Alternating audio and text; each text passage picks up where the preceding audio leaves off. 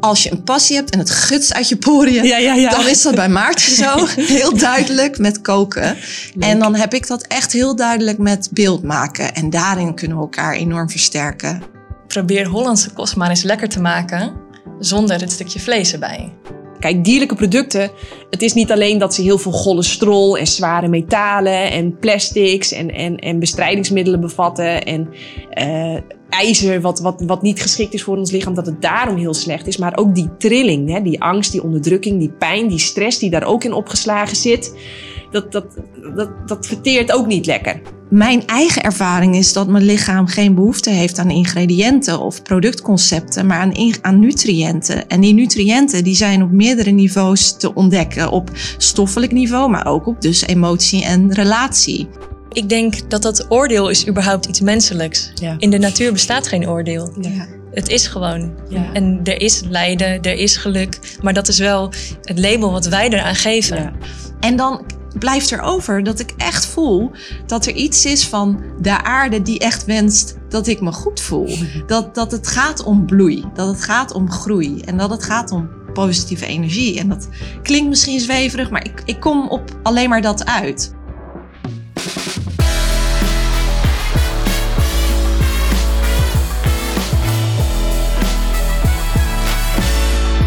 Hey jij daar, superleuk dat je weer kijkt naar een nieuwe aflevering van de Win-Win Methode, de podcast die je wakker maakt. Vandaag zit ik hier met Lisette en Maartje. En voordat we beginnen, vind je dit werk gaaf? Deel het dan volop op je social media. Eh, en er is zelfs een knop op mijn website doneren. Eh, zodat, je door, ja, zodat we door kunnen gaan met dit werk. Want het is allemaal gratis, deze podcast. En ook de blogs die ik schrijf. Ehm, ja, laten we beginnen. Welkom. Super leuk dat jullie er zijn. Dankjewel. Dank voor de uitnodiging. Ja. Ehm, we gaan even beginnen met Maartje. Wil je kort even vertellen wat je allemaal leuk vindt om te doen in het leven? Zeker. nou, ik ben dus Maartje. Ik eh, ben een vegan kok. En ik heb mijn eigen lunchroom. En ik schrijf kookboeken, waarvan een deel samen met Lisette. En eh, ja, dat is wat ik het allerliefste doe. Bezig zijn met vegan eten bereiden. Ja. En dat kan ze goed. Is dat ook hoe jullie elkaar ontmoet hebben? Dat Ja. jij iemand zocht die heel lekker... eh, Nee, nee. Ik was eh, aan het koken, want ik voelde me geroepen om in de vegan wereld wat diversiteit aan te brengen. En ik deed ook maar wat, joh. En ik was cupcakes aan het bakken en dan weer dit en dan weer dat. En, jij En- was de eerste zichtbare vegan in Nederland. ja. Ja. Oké. Ja, ja, Lisette. En eh, nou, wat een eer. ja, ik weet het niet zo goed, maar ehm, het ik was heb jouw boeken. Oh, wat cool. Die Veggie en Pumps, dat is Ja, volgens mij jouw allereerste ja, boek. Veggie and Pumps, ja. En eh, ja, die had ik. En toen dacht ik, wauw. Ja. Ja, dat kan dus. Nou, en dat vind Ja. ik dus heel leuk om te doen. Dus meer beeld maken en het verhaal vertellen. Alleen, ja, zijdelings ging ik die pollepel oppakken. En dacht, oké, dan doe ik dit wel, want dat is nu nodig. En toen op een festival konden wij een keer een kraam delen. Zo is dat ontstaan. Maar ik stond daar met mijn cupcakes en ik had jou al een keer wel ontmoet. Maar jij, zij kwam op de andere helft van die kraam en de, de, de, de bakken gingen open. En er kwamen toch lekkernijen uit. Dat ik dacht, oké, hier heb je echt de pollepel. Ik aanbacking af. Ik pak de camera. Dat is een beetje gechargeerd en kort door de bocht. Maar zo is het wel ontstaan. Dat ik echt dacht van... Als je een passie hebt en het guts uit je poriën... Ja, ja, ja. dan is dat bij Maartje zo. Heel duidelijk met koken. En dan heb ik dat echt heel duidelijk met beeld maken. En daarin kunnen we elkaar enorm versterken. En dankzij jou voel ik me daar dus ook in gesterkt. En kan ik dat doen. Ja, leuk. Dat is heel fijn. En vice versa. Ja, want Lisette, eh, voor wie jou nog niet kent. Ja, ja zeker. Vast genoeg. Ehm, ik hou heel erg van plantjes om te eten en om als medicijn te gebruiken. En heel erg van dieren en mensen en gewoon alles, al het gespuis op de aarde. Ik vind het heel leuk om samen te werken en leven.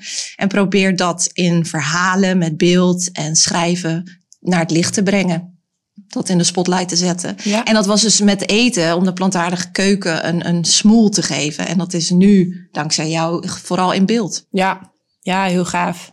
Dus met veel plezier. Ja. Hey eh, Maartje, hoe is het zo gekomen dat jij dacht van... eh, ik ga helemaal op een plantaardige manier bakken? Nou, dat eh, heeft een vrij lange aanloop gehad. Rond mijn twaalfde ging mijn moeder eh, bij een andere baan werken, waardoor ze s'avonds wat later thuis was.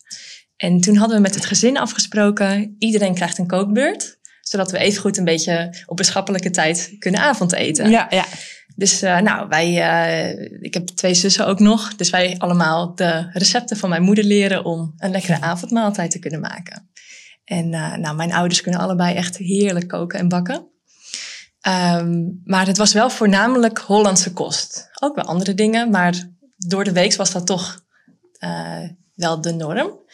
En rond die tijd ging ik ook vegetarisch eten, want uh, toen ging ik naar de middelbare school en ik had een broodje met ham en ik dacht, hé, er zit gewoon een plakje geschaafd dier op mijn brood. En dat vond ik zo raar dat ik dacht, nee, dat ga ik niet meer doen. Ik ga vegetarisch eten. Dus jij was op school, jij slaat ineens je boterham open en ineens zie jij daar... Ja, ik zag het ineens echt letterlijk zo voor me, dat ik met een schaaf zo een plakje uit een dier zou schaven en dat dan op mijn brood doen. Ah, ja, ja, nou, ja dat horror. is. Ja, horror. Dus ik dacht, ik wil geen horror op mijn brood. Dat, uh, dat ga ik niet meer doen.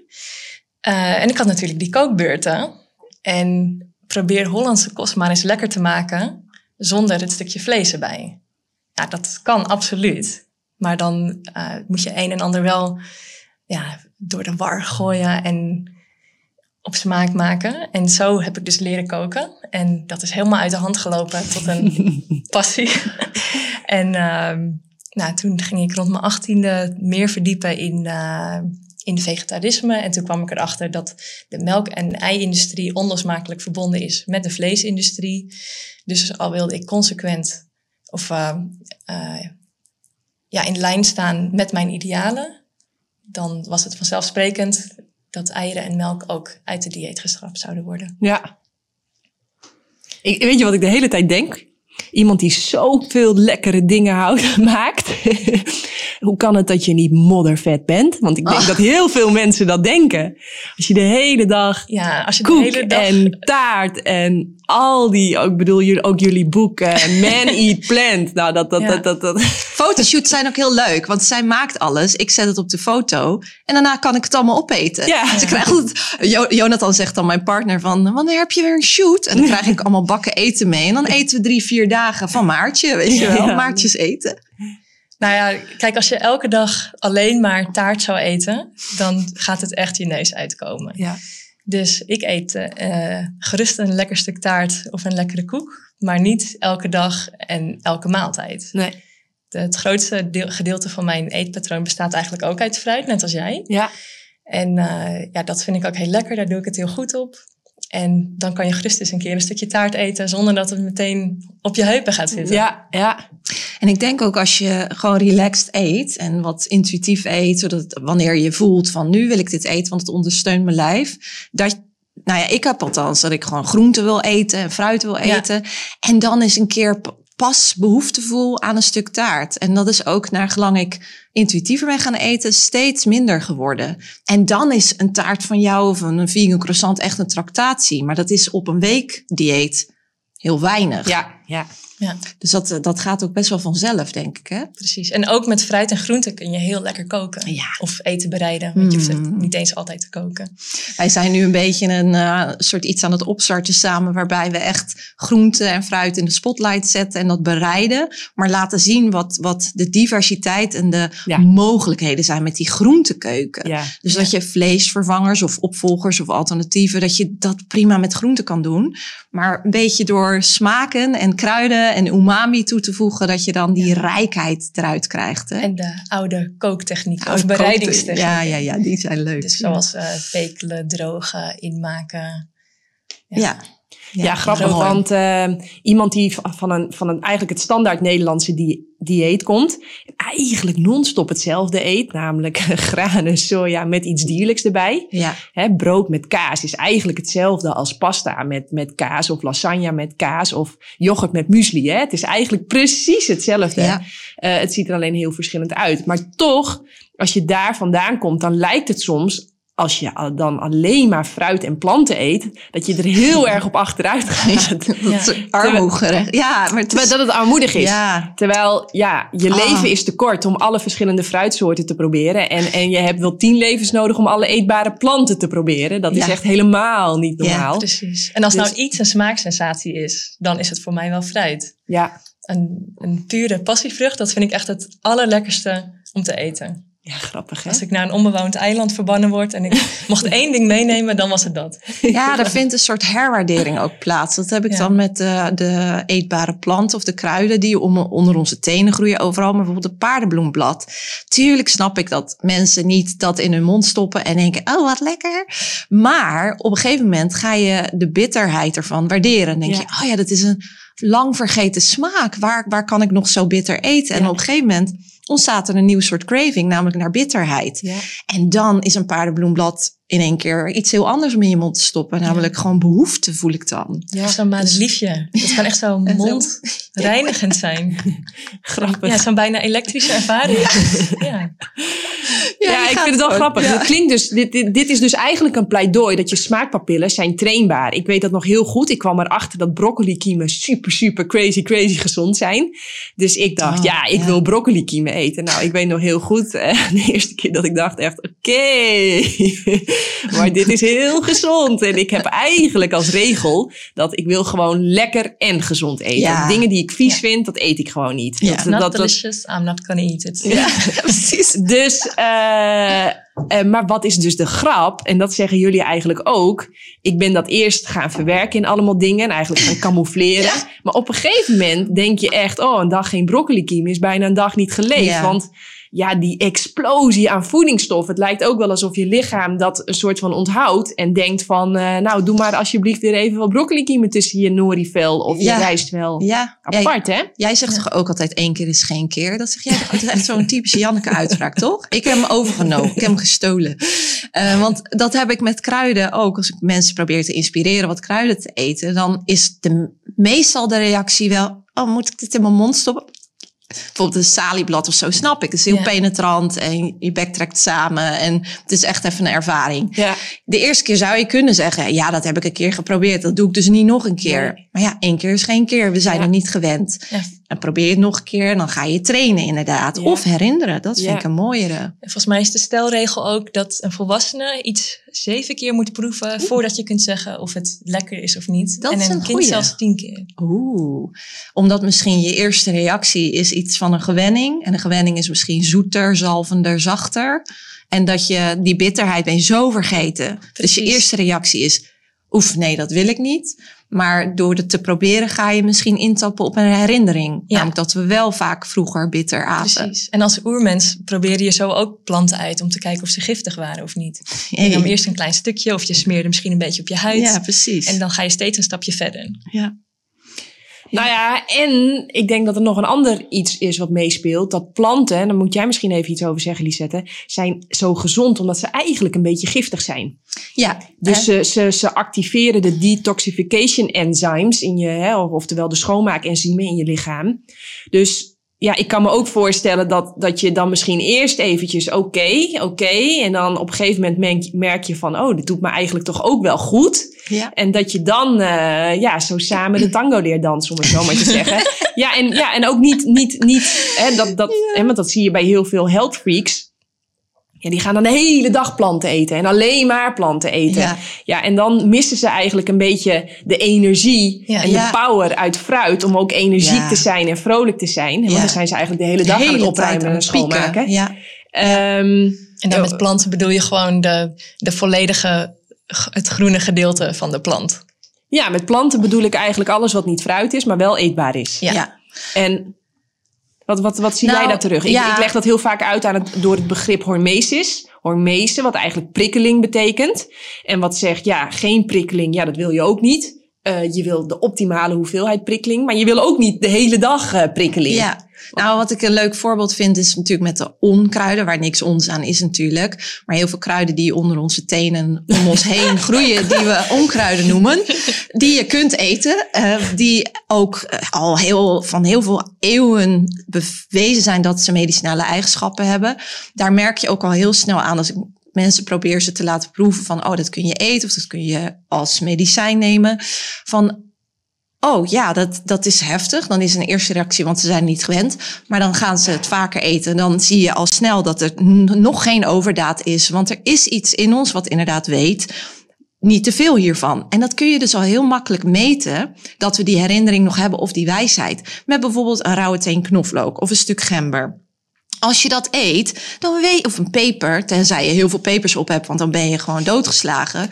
Alle respect. Maar dan heb, je veel pepers nodig en dan kan je bijna geen normaal eten. Ik merk dat nu, ik eet veel sambal, want ik ben een beetje verslaafd ergens aan. Dat wordt te veel, want Ja. ik merk dat ik niet meer de smaken van wat eronder zat kan, goed Ja, kan proeven. ja. Dus met gember, met curcuma, al die sterkere wortels, paardenbloemwortel, om een Hollands kruid te noemen, of gewoon wat hier groeit. Ja, Daslook, wat helemaal weer komt. wat heel heftig is, Ja. dat is ook. Dat is allemaal van, oké, dat is in een bepaald seizoen even heel sterk. Nou, wan- wanneer, welk seizoen? Wanneer het op zich best lo- logisch is om ons lever een beetje te ondersteunen in ontgifting. Ja. Maar een kuurtje, een week of twee weken of drie weken, dat leerde ik dan in mijn opleiding kruidengeneeskunde, is drie weken. Wanneer ze in hun piek zijn, dan gaan we reinigen, reinigen. En dan voel je ook echt, oké, genoeg, genoeg nu, genoeg nu. Ik moet opbouwen. Nou, dat heb je dus met die kruiden. Dat proef je gewoon. Je kunt het weten van hier niet te veel van. Ja. Dus we hebben die wijsheid gewoon in ons. Ja. Ja, helemaal eens. Want als ik daar bijvoorbeeld het, het eh, begrip hormesis uitleg, dan is natuurlijk, hop, dan gaan er direct tien handen omhoog. Ja, hoeveel bladgroen moet ik dan eten? Hoeveel kruiden? Hoeveel kiemen? Hoeveel zeewier? Ja, En ik probeer dan altijd dit uit te leggen. Ja. Voelen, voelen. Ja. Het, het product laat het eigenlijk van, vanzelf al zien. Dat dat een papaya, nou, die nodigt zich uit om echt helemaal op te eten. Ehm, maar als je echt gaat proeven, ja, een kruid, op een gegeven moment denk je van, oké, het moet niet te veel, niet te weinig. Dit is, dit is ook nog lekker. ja. En, En ehm, in de signatuur kun je ook vaak terugzien dat er een soort verdedigingsmechanisme in zit. Bijvoorbeeld alleen al het blad van de paardenbloem heeft een beetje, hij heet dandelion, dent de lion, is Ja. tand van de leeuw. Hij heeft een soort leeuwentanden, dus er zit iets van ah, in, Ja, weet je wel. Agressief. Die, ja, die bittere wortel, super stevig bitter, dat wil je niet te veel van. En het groeit ook voornamelijk in de lente, wanneer je dus nou, dat gevoel, die lever wel kan ondersteunen. En dan is het gewoon genoeg. Dus overdaad schaadt en niets is giftig en alles is giftig. De dosis bepaalt natuurlijk. Ja. Of iets medicijn en niets medicijn. Ja. Dus het is heel simpel. En dat zie je inderdaad terug bij de planten. Van iets kan snel te veel worden. is het dan wel, maakt planten ons dan, is dat dan eigenlijk wel voedsel voor ons? Want Nou ja, ze ik- proberen zich wel echt te verdedigen. Ze Ja. proberen wel echt hun best te doen eh, dat wij ze sowieso niet te veel opeten. Ik denk dat we zelf heel goed in staat zijn om te bepalen wanneer iets dan giftig is. Bijvoorbeeld, ik kan echt, het klinkt misschien een beetje gek, maar droom van een broccoli. Dat ik een gestoomde broccoli wil wegwerken. Ja, Maar ik weet ook dat ik voel vanzelf, hoe, nu heb ik genoeg daarvan gehad. Ik kan me ook voorstellen met fruit dat je daar redelijk veel van kan eten. Dat heb ik niet snel, oh nou heb ik daar, nou, bij citrusvruchten. Dan voel ik genoeg. Terwijl bij een appel, ja, dan heb ik dat weer niet of zo. Dus ik denk, ik vind het altijd lastig om te zeggen, zo is het. Maar meer, wat, wanneer voel jij de grens? En dat we ons daar wat meer in kunnen trainen. Waar ligt die intuïtieve grens wanneer Ja. iets niet goed meer is of levensondersteunend? ja. Dus wat en hoe is, ja, daar heb ik meestal geen antwoord op. Maar meer, hoe voelt het dan bij jou? Nou ja, en het is natuurlijk leuk dat je nu eventjes eh, vertelt van hoe dat, hoe dat bij jou dan werkt. Hey, eh, even over dat intuïtieve eten, hè? Want we hebben nu dat intuïtief, eh, het is al tien keer over de tafel gegaan. Eh, er zijn ook mensen die zeggen, ja, maar ja, hartstikke leuk met je intuïtieve eten en dat jij weet dat je bij een half paardenbloemblad eh, wel genoeg hebt gehad. Eh, er zijn ook mensen die zeggen van, ja, maar ik voel toch echt dat ik gewoon wel drie keer per week en helemaal vlak voordat ik ongesteld moet worden, moet ik gewoon goede lappen biefstuk hebben. ja, dat voel ik gewoon zo. Ja, En eh, er zijn ook heel veel mensen die zeggen: Ja, ik heb nu een x aantal jaar veganistisch gegeten, maar ik voel gewoon dat ik eieren mis. Of ik voel gewoon dat, ik, het- ja, dat het weer nodig is voor mij om vis te eten. ja, fijn dat je dat opwerpt. Want daar ja, kunnen Ja. we wel wat over zeggen. Ja, dat was inderdaad ook een vraag van ons aan jou. Oh, Ehm, van, zou je tips he- hebben voor mensen die die cravings hebben? En ehm, en waar komen die cravings überhaupt vandaan? ja. Van, staan ze echt in touch met hun gevoel? Of is het iets wat aangeleerd is in de maatschappij en wat als normaal wordt gezien? En wat je associeert met een bepaalde behoefte, maar wat niet per se daarbij hoort? ja, nou, ik denk dat het en en en is. Eh, want de meeste van ons, ik weet niet hoe het met jullie zit, maar volgens mij zijn Freddy en Doutse een van de weinigen die en veganistische melk en wellicht alleen maar veganistisch gaan eten. Klopt. Maar ja. de, ik bedoel, jij, ik, eh, wij alle drie volgens mij, wij zijn ge- jij vegetarisch, hè? Wanneer, wat? Nou, wij zijn opgegroeid als alleseters. Ja, en ik werd vegetariër toen ik negen was, tien. Ja. Precies. En ik pas, eh, nou ja, ik heb het op mijn zesde of zevende geprobeerd, drie dagen. maar mijn moeder werkte Eén niet keer is geen keer. ja. Eh, wat wel grappig is, is dat mijn beide ouders nu helemaal veganistisch eten. Maar back in the days hadden ze die kennis niet. En ja, ik moest een grote, sterke, gezonde meid worden. Dus ik hoefde niet veel te eten, maar wel wat. Dus eh, ons lijf, wat natuurlijk een ongelooflijk intelligent wezen is. Ik kan me ook voorstellen dat, stel je voor, jij hebt wel een tekort van iets. Dat het even zegt van, maar weet je nog dat je Precies. vroeger dit en dit at? Ja. En ja, dat vonden wij best wel prettig voor die bepaalde voedingsstoffen. Dus het kan zijn dat het lichaam een geheugen heeft. Ik weet het niet. Ehm nou, ik weet wel dat het lichaam een geheugen heeft. Ja, want ik eh, ik word wel op driejarige Ja. leeftijd maar eens gebeten door een hond. Dan ben je de rest van je leven nog bang voor een hond. Precies. Dus dat, dat geheugen is er wel degelijk. Maar het is denk ik, het heeft ook voor een deel te maken met kennis. Ehm, ik ontmoette laatst ook een meid, eh, heeft ook veganistische boeken geschreven zelfs. Maar die is weer vis gaan eten, want ze had heel erg de craving naar vis, zei ze. Ik zei, eh, slik je bijvoorbeeld algen, chlorella of spirulina? Nee, nee, nee, deed ze niet. Ja. Ik zei, neem je algencapsules met bijvoorbeeld alleen maar omega-3? En hoeveel zeewier eet je? Nee, nee, dat Ja. deed ze eigenlijk Ja. niet. En die is daarmee begonnen. En inderdaad, die behoefte wordt voorzien, of weet ik veel wat. En inderdaad, ze hoefde geen vis meer te eten. Dus het is ook. Maar ik denk zelf ook nog dat het een kwestie is van principes. Ja, Ehm, wil je jezelf, hoe ga je jezelf opvangen? Hoe ga je jezelf dragen? Kijk, ik heb wel zoiets van, mijn winst moet niet ten koste gaan van iets of iemand anders. Ik zal niet zeggen dat ik nooit tijdens het fietsen of het autorijden iets doodrij. Maar ik probeer het wel. ja, eh, binnen je mogelijkheden. ja, dus geen onnodig niet leed. intentioneel. Precies. Ja. En ehm, ja, dan word je op een gegeven moment ook creatief. Dus als je dan wel eh, de behoefte heel erg hebt aan kaas, ik noem maar wat, dat hebben namelijk heel veel mensen. Dan ga je gewoon kijken hoe kan ik, hoe kan ik mezelf daarin opvangen en wat is dan precies waar ik behoefte aan heb. Ja. Nou, dat En- is dan natuurlijk wel de vervolgvraag. Van wat is precies waar je denk ik behoefte aan hebt. Ja, Dus soms eh, los je die dingen ook niet op met eten hoor. Moet je gewoon met je vriend gaan knuffelen. ja, Of, eh, en ontspannen, ontspannen. Maar met zo'n cracker kaas bijvoorbeeld, mhm. dat, dat vind ik dan ook zo'n beetje een lege maaltijd. Zo'n droge cracker met een plakje kaas erop of een, of een dun sneetje brood. En dan, eh, Sorry. ja, dan Maar- komt er dus ook vanuit die mensen van ja, ik heb iets nodig wat meer nutrient dense is. En dan denk ik ook, ja, volgens mij moet je dan iets heel anders gaan eten.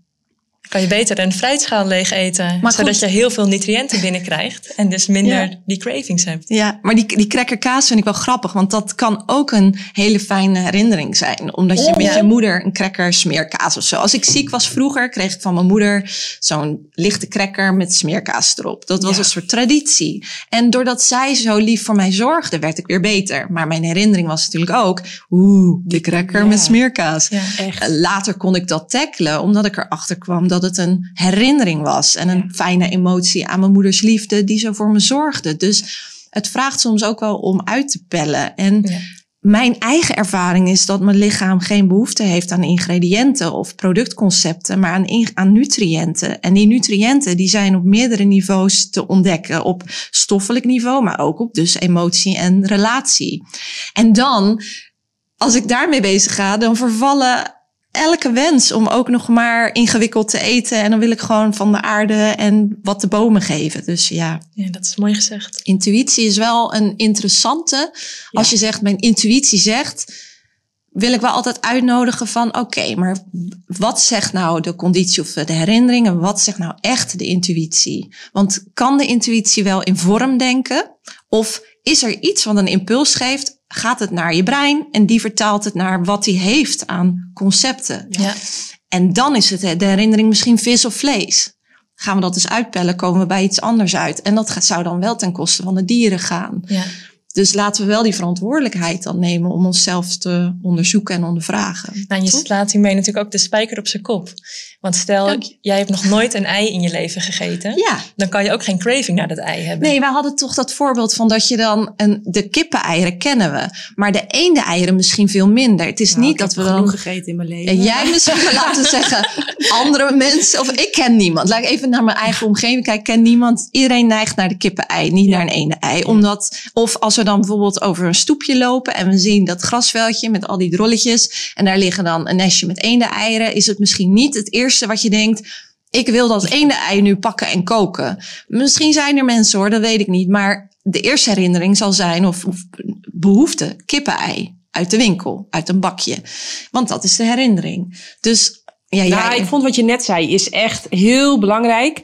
Ehm, want alles wordt aan elkaar gekoppeld de hele tijd. Dus stel je voor, het was zondagmiddag en het was dan standaard om dan patat of met, met kroketten en weet ik veel allemaal wat te gaan eten. Maar dat was ook altijd het moment dat je vader en moeder eindelijk eens eventjes relaxed aan tafel zaten. En dat je opa en oma zelfs aanschoof en dat de Ja. televisie aanging. En dat was gewoon pure ontspanning en gezelligheid. Dan zul je merken dat als je behoefte hebt aan die pure ontspanning en die gezelligheid, dat dan automatisch je lichaam ook oppert van patatje, kroketje. ja, Dus dat zit zo aan elkaar gekoppeld. Ja. Eh, dus hè, die smeerkaas met kaas, dat is echt een goud Ja. voorbeeld. Ehm, weet je, bij mij moest altijd mijn oud-tante komen. Maar ja, kippensoep bijvoorbeeld, dat was ook echt typisch iets wat je ging drinken als je ziek was. Ja. ja. En, ehm, maar inderdaad, kijk daar liefdevol naar. En Ja. wat ik denk wel heel belangrijk is, mensen doen nooit iets. Eh, die gaan niet dierlijke producten pakken of eten omdat ze denken: ja, weet je, ik ben ziek en nu moeten de dieren daar lekker voor straffen. dus ik ga jullie lekker opeten of zo. Weet je, dat is de gedachte niet. Nee. Ze, ze zijn Oh, ook ja. bezig om te kijken van oké, eh, ja, ik voel me niet zo goed. Net Ja. als iedereen proberen ze ook geluk te optimaliseren, pijn te minimaliseren. Dus met de kenniskunde middelen die ze hebben, proberen ze wel natuurlijk een optimale beslissing te maken. En Dus eh, daar zit ook wel weer een soort onschuldigheid in. Hè? Absoluut. Jij zegt dat zo mooi, van ik zie dat iedereen altijd zijn best doet. ja, en is dat is ook zo. dat ook is, naar mezelf geloof toe, ik ook hè? gewoon heilig in. En Ja. het dierlijke product is ook niet voor iedereen gekoppeld aan iets wat misschien niet eh, ethisch verantwoord is. Ja, kun je daar wat meer? Ik ben wel benieuwd. Je hebt altijd van die goede inzichten. Nou, ik denk dat als je al heel lang bezig bent met veganisme en je hebt je heel erg in verdiept, dan eh, zegt elke vezel in je lichaam van nee, dit is niet goed. Eh, ik wil geweldloos eten. Dan past dit niet in mijn dieet. En dan is er dus ook geen optie meer om het überhaupt te eten. Maar al heb jij die weg nog niet afgelegd.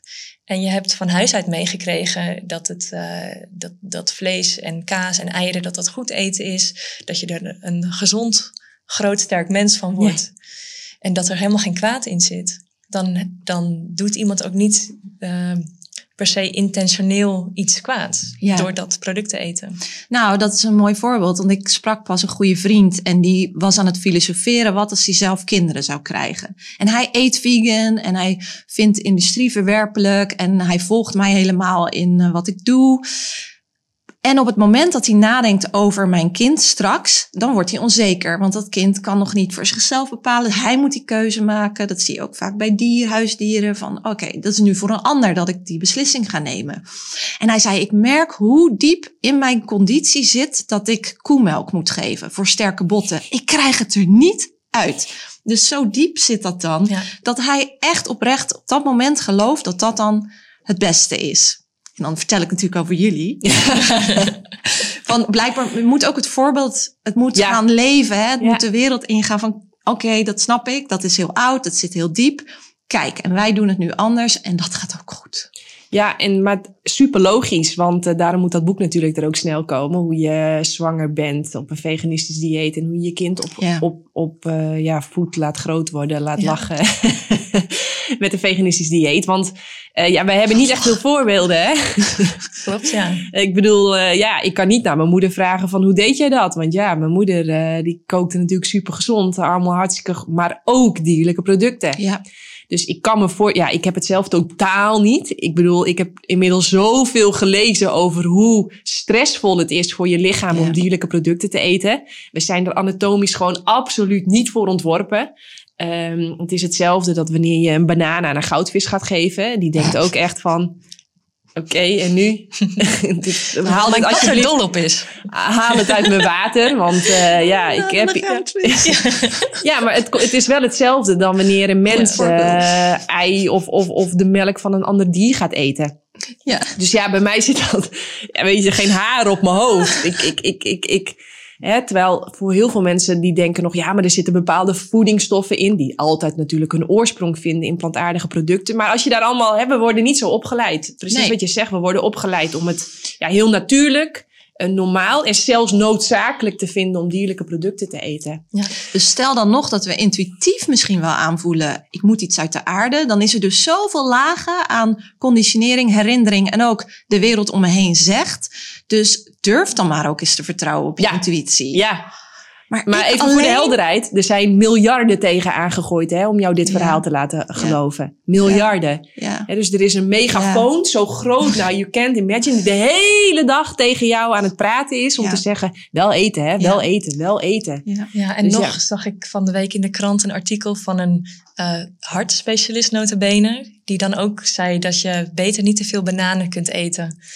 Want daar zit zoveel suiker in. Oh, ja, gaan we daarheen. Ja. nou ja, goed. Ik hoop wel dat ik in de... Hebben jullie... Ja, je hebt het boek natuurlijk. Oh, dat Eh, weten heel veel mensen niet. Hallo. Weet je dat ik gisteravond in bed lag en dat ik dacht, heb ik op de eerste pagina jouw naam Ach, als, als bijdragers en gewoon Volgens degene- mij, ja, ik kom echt helemaal terug of zo. Ja, je staat er joh, wel in. nee, ja. Je staat er wel heb je hartstikke lief. En- Want eh, ja, dat is wel even een leuk bruggetje. Hebben we trouwens alles over het intuïtieve gezegd? Volgens mij, eh, ja, denk het wel. Denk Moeten het gewoon gaan voelen. wat zei je? Moeten gaan voelen. Ja, en toch vind ik die ook lastig. Want Ja. dan zeg ik wel eens, ja, iemand die verslaafd is aan drugs, dat is geen voelen meer, hè? Want die voelt alleen maar, ik moet, eh, ik maar moet dan weer. moeten we daar dus doorheen. Dan moet je daar wel Ja, doorheen. En ja. dat doe je weer niet met voelen. Dat Nee. doe je toch met Dan heb je andere. hulp nodig. Ja, denk ik. Nee, maar Ja, dan heb ik je denk dat we absoluut- allemaal wel een beetje hulp kunnen gebruiken. Ik ben niet de hele tijd... Je moet het al maar, maar alleen uitzoeken. Nee, absoluut Want vragen niet. aan het innerlijk stellen is verdomde lastig. En het manipulatieve van de brein zit er lekker tussen. nou, dus, precies. ja. Nee, oké. Dan Ja. hebben we volgens Ja. mij nu wel hem rond. Ja. Het is natuurlijk ook niet echt een lekkere baseline om op te zijn. Als je midden in een verslaving zit Nee. en daaruit moet breken. Ja. Ja, maar ik denk dat we allemaal super verslaafd zijn. ja. Ja. Dus, eh, Nou, jij had die podcast met die jongen. Heet hij nou Kees? Nee. Eh, eh, de- hij had een boek geschreven, iets met ren. Klaas. Klaas. Klaas Boomsma. Sorry, Oh ja, Klaas Klaas, Boomsma. ja. Ik vond een heel krachtige pitch over hoe hij in het leven staat, waar hij doorheen is gegaan.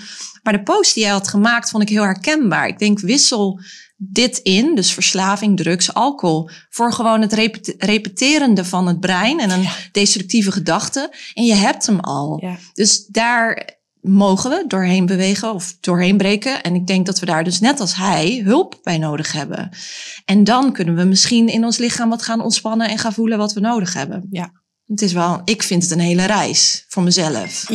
Oh, oh Lopke Vaassen belt, jongens. Lopke, Lopke! We hebben een beller. Lopke, je zit in de podcast Hey Lopke!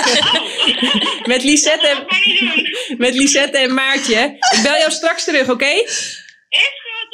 Doei! Dit is echt de leukste podcast. Bananen en goudvissen. Ehm ja, maar eh, je, je zegt twee leuke dingen. Maar een van de meest voorkomende overtuigingen is... eh, ik eh, moet het alleen doen. Ja. Wat natuurlijk helemaal van de zotte is. Want Ja. iedereen vindt, ieder mens vindt het superleuk om te helpen. Alleen er zijn bijna geen mensen die hulp durven vragen. Dus ja, daar, daar, daar, daar ontstaat een gigantisch gat Ja. letterlijk van eh, ja, uit verbinding zijn. Dus ik zou zeggen, oefen ook met hulp vragen. Ja, En, want, eh, want waarom denk je, de, waarom voel je dat je het zelf, kijk, ik bedoel, daar gaan we nu niet heen, maar alleen al dat, hè, waarom heb je die overtuiging dat je het zelf moet doen? En wat zit daar dan achter? Nou ja, dat is natuurlijk op school wel begonnen. Maar Precies, daarom. Maar dat is ook weer zo'n pad, daar kunnen we Ja. heen. Maar gaan we nu niet Als doen. zou je iemand een hele praktische tip moeten geven. Van hoe pel je die laag een beetje van je af.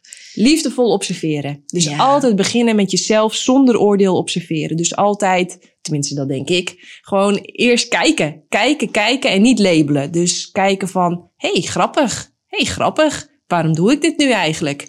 Oh, grappig. ik zeg En, altijd eh, wonderlijk. oh, wonderlijk. Hé, hey, wonderlijk. Hm, wonderlijk. Ja. Ja. Dus je hebt gewoon zo'n woord wat lief is en wat je dan zegt. Ja, Als, als het maar niet negatief woor- beoordeeld wordt. Nee, en het, ik denk dat de eerste stap is dus dat je met jezelf, jezelf toestemming gaat geven van... Oké, ik ga nu niet op de automatische piloot, maar doen wat ik altijd deed. Nee, ik neem eigenlijk één stapje terug. Ik vertraag eventjes een Ja. heel klein beetje. En dan ga ik eens kijken van, waarom doe ik wat ik doe? Waarom denk ik wat ik denk? En, ehm, en dan ontstaat er ook een keuzemoment. Hè? Zo van, hmm, wat vind ik daar eigenlijk van? Of kan ik eens ook het op een andere manier gaan doen? En dan, dan begint het spel. Ja, mooie tip. Dan wordt het leuk. Ja. Eens. Ehm, ja, die heb ik nog op. En dan gaan we daarna weer naar jouw lijstje, oké? Ja, is goed hoor. maar wat ik merk bij veel mensen die ehm, helemaal plantaardig eten en op een gegeven moment ook inzien van oké, ik wil veganist zijn. Eh, die zien dan, want ja, die willen niet meer bijdragen aan het dierenleed. Maar die merken, die krijgen op een gegeven moment ook moeite, want die zien dat er zo gigantisch veel donkerte is in deze wereld, dat er echt, ja, eh, ja, het is geen feestje daar in die megastallen, om het maar even zo te zeggen.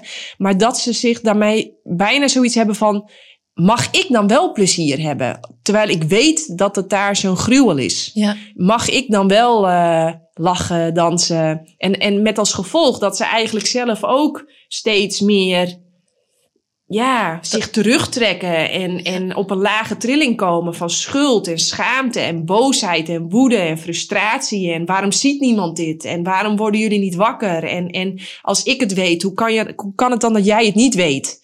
En uh, het staat toch de hele tijd in de kranten. En hè, dat, dat ze in die boosheid komen. Wat, wat, wat hebben jullie misschien herkenbaar voor jezelf? Of hoe heb je daar uitgebroken? De emoties zijn natuurlijk heel begrijpelijk, want het zijn ook erbarmelijke omstandigheden waarin die dieren zich bevinden. Maar je begon de vraag met eh, mensen die veganist willen worden of worden. En daar begint het al. Ze identificeren zichzelf met het zijn van een veganist. Maar hoe ik er naar kijk is dat je meer dan een mens niet kunt zijn. En al het andere is iets wat je doet eh, of wat je hebt. Een rol, Ja. Of, eh, of spullen of een verhaaltje. een kapsel. Gewoon alles eigenlijk. ja, dus je kan dat helemaal tot op het eh, diepste niveau doorvoeren. Ehm, Leuk, doe dat nog eens even. Neem ons daar eens mee. Want dan zeg je dus eigenlijk, ik ben een zak met water. Ja, En die zak met water die heeft dus haar en kleren. En die kleren hebben een kleur. En, en, en jij kan er wat van vinden van die kleur en van die stijl. En van het Ja. kapsel en van, haar, van haar werk en haar boeken. En precies. En over het algemeen heeft een mens twee armen. Maar iemand met maar één arm is niet opeens geen mens meer. Dus zelfs een lichaamsdeel is iets wat je hebt. En dus ook bijvoorbeeld het geslacht. Je hebt het vrouwelijke geslacht of het mannelijke gesla- geslacht of iets ertussenin. Maar ehm, dan hoef je jezelf dus niet per se te identificeren met man of vrouw. Of ook- veganist. Of veganist. Ehm, Dat, is dus, dat zijn allemaal etiketten. ja, Opgeplakt op die zak met water. ja, en als je geen veganist hoeft te zijn, maar eh, puur handelt ehm, vanuit een bepaalde waarde, dan hoef je ook niet dat leed op je schouders te dragen. Zo ervaar ik het tenminste. Mooi. Ja, ik kijk altijd een beetje naar haar, want dit, ik vind het zo fijn. Ik ken soms een paar van die mensen, jij bent er één van, die dat in zichzelf helder hebben. En dat straalt dan ook zo'n rust en positiviteit uit. En ik ben eh, nog echt in beweging daarin, want wat jij net zei, dat voel ik ook echt ergens in een plek in mezelf. De schuld en soort weltschmerz noemde mijn eh, docent het altijd. Het leed van de wereld op je schouders dragen. Zo kan het echt. Je kan echt gedrukt voelen. Dus wat je ook zei, neergedepressed. En dan tegelijkertijd is daar door wat innerlijk werk, wat vragen te stellen, wat jij net ook aangaf, van observeren, afstand nemen, verstillen, vertragen, komt er ruimte. En in die ruimte ga je in één keer zien waar dat vandaan komt. Wat is schuld? Waarom voel ik dat? En dan beklijft het niet meer zo. Dan is er wel een soort schuldgevoel, maar ik kan er niet meer vanuit handelen. Dat maakt geen sens meer. Dat vind ik ook niet meer logisch. En dan blijft er over dat ik echt voel dat er iets is van de aarde die echt wenst dat ik me goed voel. Dat, dat het gaat om bloei, dat het gaat om groei en dat het gaat om positieve energie. En dat klinkt misschien zweverig, maar ik, ik kom op alleen maar dat uit. Betekent niet dat het van een leien dakje gaat, zeg maar. Het zou ook raar zijn als je de dieren dus een, een heel mooi, goed leven toewenst. Ja. En dat je zelf niet, terwijl je zelf ook een dier bent. Ja, en, en ik weet, bij jou is dat echt geïnternaliseerd. Bij mij moet dat nog mentaal naar binnen komen. En dan hoor ik jou en dan denk ik, ja, logisch. duh. Maar ik voel me nog gedrukt, want ik weet inderdaad wat er in die stallen gebeurt. En het is een soort herhalende video in mezelf. elke seconde van de dag. Ik heb het er met heel veel activisten over, die voelen dat dagelijks. Gewoon dat lijden. En inderdaad de vraag, hoe kan ik dan gelukkig zijn? Maar door dus die afstand te nemen, voel ik steeds meer... oh, ik kan ook echt alleen maar goede dingen doen als ik me beter voel. Ja, En dan kan ik dus beter van dienst zijn voor die dieren. ah, dat is een mooie brug. Vanuit schuld, ja, ben ik gewoon minder waard. dus Ja, aangaande dit heb ik ook nog een vraag aan jou, Janneke. Ja, ik wil, mag, mag ik hier, mag Ja. ik, eh, want, want je zegt zulke, eh, Lisette zegt echt ja, iets gaafs. dat is ook want, zo. eh, nou ja, die, die trilling van schuld en schaamte en woede en frustratie, die is natuurlijk super laag eigenlijk. En volgens mij heeft er niets en niemand iets aan als we met z'n allen massaal naar die trilling toe gaan. Volgens mij is het voor iedereen leuker, beter, groei, bloei, licht. Eh, als we langzaam naar die trilling van, hey, kijk eens, bijvoorbeeld, eh, ja, wij eten ook helemaal eh, lekker, zoals we. Ja. ja. en ehm, dat, dat, dat kan, dat mag. En, ehm, want Nou, dat mag, hè? Daar zit wel iets belangrijks, denk ik. Dat jij dat mag. Want er zit, denk ik, in veel gevallen, bij mij althans, onder dat ik dat niet mag. Ik mag niet gelukkig zijn. Zit daar dan niet ook onder, ik mag er niet zijn? En ben ik er niet toch? En wat is dat dan? En waarom is dat dan? Waarom herhaalt mijn brein of mijn hart of mijn gevoel, want daar ben ik nog in aan het uitpluizen, dat ik somehow er niet zou mogen zijn? terwijl je er wel bent. Precies. Ja, nou ja, En als daar we daar komen, ja, daar, ja, goed. Nou ja, Ja. dat doe ik dus als coach. ja, Dan eh, neem ik dus. mensen daarin mee Ja. van, want eigenlijk even, mag ik het plat slaan? Is het vaak een kindconclusie of iets uit een vorig leven of weet ik veel wat? En eh, nou ja, als je dat kunt herprogrammeren in je onderbewuste en je zegt tegen je onderbewuste van, je mag er wel zijn. ja. Je bent alle geluk, gezondheid, liefde, vrolijkheid, succes ben je waard. En je kijkt ineens met die bril naar, naar de wereld. Ja, dan wordt, het, dan wordt het lachen hier. En dan gaat het ook over, dan kan het ook gaan over de dieren. Hè, dus Ja. ik zeg niet dat het anders niet over de dieren gaat, maar het gaat een heel groot deel wel om jouw gevoel, jouw ervaren gevoel. En als jouw ervaren gevoel blijdschap is en joy, en dus je hebt energie om te ondersteunen, Ja. dan kan je echt naar dat dier of dat mens wat lijdt voor je staan kijken en met heel je hart helpen en Ja. jezelf ondersteunen. Ja. Ja, ik, ik, Uit ik een leeg wens- kopje kan je niet schenken. maar eh, nou ja, en je zei nog iets leuks. Want je zei die, die rol als pionier. Want dat ben je eigenlijk, hè? Je, we, zijn met, we zijn met een hele club in Nederland. 17 miljoen mensen. Er is ons van alles wijsgemaakt. En die hele club van 17 miljoen mensen... Die, die spiegelen wij iets voor van... jongens, weet je wat nou grappig is? Het kan ook zonder leed. En dan moet je je wel voorstellen... dat die hele club mensen moet naar die bestemming toe. En dan heb je altijd mensen die voorop lopen. Dat zijn wij, de pioniers. En ja, die vangen wel wat meer wind. Want ja, ze lopen voorop. Ehm, en ik zeg altijd, dat is je rol. Omarm die rol. Dat is geen last op je schouders. Maar je moet dus wel begrijpen dat bij die rol ook hoort dat de mensen achter je lopen, die kunnen gewoon niet zo snel. dus dan kun je wel de hele tijd daaraan gaan frustreren van jongens, loop nou eens even net zo hard als dat ik loop. Maar ja, zo, dat, dat, dat hè? Ja, Een, een, een leider is ook geen leider zonder mensen die erachteraan kunnen lopen. Dus mooi. het, het, het, ja, hup, het is geen last, het is je rol. Daar horen voor- en nadelen bij. Net als als achteraan lopen, daar zitten ook nadelen bij. Want ja, dan heb je en nooit uitzicht en je loopt de hele tijd in het poep van de voorgangers. Hè, dus het, het, het, het, het, ja, Ja, beeldsmaak. Dat is wel heel mooi Ik gezegd. hang heel de tijd met allemaal beelden. Die Ja. goudvis gaat er niet meer uit, die banaan.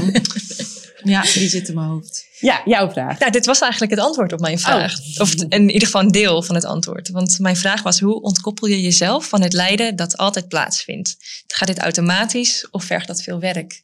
Nou, ik denk dat het ook even begint met, met gewoon weten dat er altijd yin is en yang, licht en donker, boven, beneden. Dat, dat is volgens mij inherent aan hier op aarde zijn. Dat is een dualistische wereld, dus er is, er is altijd voor, achter, boven, onder. eh, Dus dat, dat hoort erbij. Dus dat, dat is...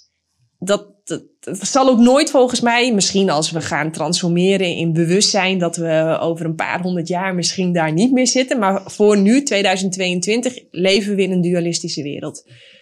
En ja, dat weten geeft ook ineens een keuze. Oh, grappig. Er is dus altijd licht en er is altijd donker. Waar ga ik mijn aandacht aan geven? Ehm, en je mag kiezen. en ik zeg altijd, voel maar. Voel maar wat welke keuze met je doet. Nou, en als dat Ja. is zoals je je wil voelen, ja, dat, dat mag gewoon. Eh, ik vind het heel fijn om me gewoon lekker energiek en vrolijk te voelen. Dus daar kies ik ook voor. Ja, dus dat is wel iets actiefs eigenlijk wat je doet. Ja, je, ik denk dat, dat, je, ehm, dat het in het begin wel trainen is. Waarom? Ons brein is eigenlijk geprogrammeerd. Misschien kwamen wij wel...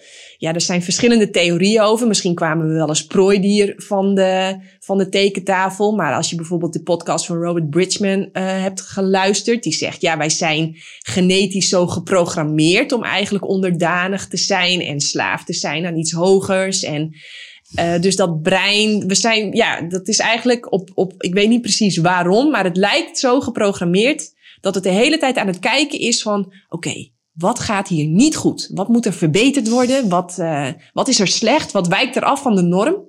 Ehm, en, en, en zo is dat geprogrammeerd. Dus, eh, maar we leven in een super, super, super, super veilige omgeving. Er zijn geen leeuwen, er zijn geen tijgers. Je moet alleen bij het oversteken een beetje uitkijken. Maar dat, ja, dat is het eigenlijk wel. Meer gevaar is er niet.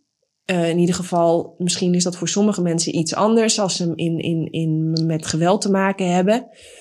Ehm, dus dat brein, eh, als, je dat niet, als je dat op de automatische piloot laat lopen, dan is dat van nature misschien wel een beetje negatief. Terwijl aan de andere kant denk ik ook dat we een hele vrolijke, opgewekte, enthousiaste diersoort zijn. Eh, maar als je dus merkt van, oh, het wil de hele tijd naar dat donkere toe. ehm, ja, dan is het wel hertrainen en, en dat brein leren, trainen, oefenen om te kijken van, oh, grappig, ja, er is donker, maar wat is er ook licht? En je kunt bijvoorbeeld beginnen om het weer even praktisch te maken. Met een paar keer per dag eens even op te schrijven, waar ben ik allemaal dankbaar voor? Want we zien in onderzoek terug dat je kunt niet down zijn en dankbaar tegelijkertijd. Ehm, en dat, dat je daarmee gaat oefenen. Ja, ik herken dat wel. Ook in een Taoïstische training die ik heb gevolgd, daar zei mijn leraar ook altijd dat er onder, onder alles continu een soort mantra zit van het mag niet goed zijn. En dat als je dat dus heel de tijd meesleept, dat alles inderdaad nooit goed is. En je altijd ook een reden zoekt dat het niet goed is. Of, de- of je dat nou heel bewust mentaal doet of niet, het zit er echt onder. Ja. En dat ontmantelen is dan een belangrijke om uiteindelijk te zien dat het gewoon goed is. Nou, en dan wordt die tricky. Want zeg je nou dat die dieren in het slachthuis, dat dat dan gewoon goed is? En ik moet heel eerlijk zeggen, dat zijn echt de vraagstukken waar ik zelf niet uitkom. Nee, die is Nee. super lastig. Want Ja, eh, ja, dan kun je naar een soort van zielenniveau gaan. Dat iedere ziel alle facetten mee wil maken. ja. En, en, en Ja. dus ook die, dat facet van onderdrukking. Omdat hij misschien in een ander leven de onderdrukker was. Maar Eh, dat, dat bijvoorbeeld ik, mijn weerstand zegt dan, maar dat weet ik niet. Want ik weet dat niet. Of want ik heb alleen maar het leven nu hier. En Ja. ik zie dat dier daar lijden. Ja. En ik wil met mijn man en macht daartussen springen. Eh, het is niet goed. Dus dat vind ik echt wel lastig. Of, want ik denk dat jij daar ook altijd wel interessante ideeën over hebt. Ja. Kun je, is er nog een andere plek? Nou, ik denk dat dat oordeel is überhaupt iets menselijks. Ja. In de natuur bestaat geen oordeel. Ja. Het is gewoon. Ja. En er is lijden, er is geluk. Maar dat is wel het label wat wij eraan geven. Ja. Ja. Ja, en ik weet niet of het ego heel goed in staat is om te kunnen bepalen... Ah, ja. dit is goed, dat is slecht. Wat ik een mooi verhaal vind, dat vertelt Eckhart Tolle volgens mij heel vaak. Dan is er een man en die wint eh, met een groot geluk wint hij een ongelooflijk grote, dure sportauto. En dan komt de familie naar hem toe en iedereen zegt... Wauw, gefeliciteerd, wat heb jij geluk met deze winst, aanwinst van die mooie auto. Twee weken later, dikke crash met die auto, ligt hij helemaal brak in het ziekenhuis. En de familie, goh, wat heb jij pech dat je hè, door die auto nu in het ziekenhuis ligt. En de hele tijd zegt hij, ja, misschien. Ja, misschien. En op een gegeven moment ligt hij daar in het ziekenhuis. En dan wordt zijn huis, waar hij dus dan niet is, wordt getroffen door een eh, tornado. Hele huis weg. Zegt, komt de familie weer, goh, wat heb jij geluk hè? En dan zegt hij weer, ja, misschien. Dus daar laat hij met dat verhaal laat hij eigenlijk zien dat dat ego, dat is niet zo goed. Dat is eigenlijk heel lastig kan dat bepalen van dit is goed en dat is slecht. Dat, dat, dat wij doen dat inderdaad de hele tijd, maar dat is er misschien wel helemaal niet. Nee, en toch voel ik met al mijn macht en gevoel dat, dat plantjes eten, fruit eten fijn is, ondersteunend is. En dat ik de dieren zie als mijn medeschepselen waar ik van kan leren. En niet doodmaken. Dat zit er echt, dat is alles in mijn DNA, of DNA, dat weet ik niet, maar mijn gevoel zegt nee. Ja. Dus dat kan toch oordelen dan. Ja, en ja, zeker. Maar ik heb, dat vind ik het opvallende. Ik heb precies hetzelfde. Ook omdat ik zie, het hoeft niet. Het kan heel anders. Het is nutteloos. Het is compleet nutteloos. Het is Ja. een systeem met alleen maar verliezers.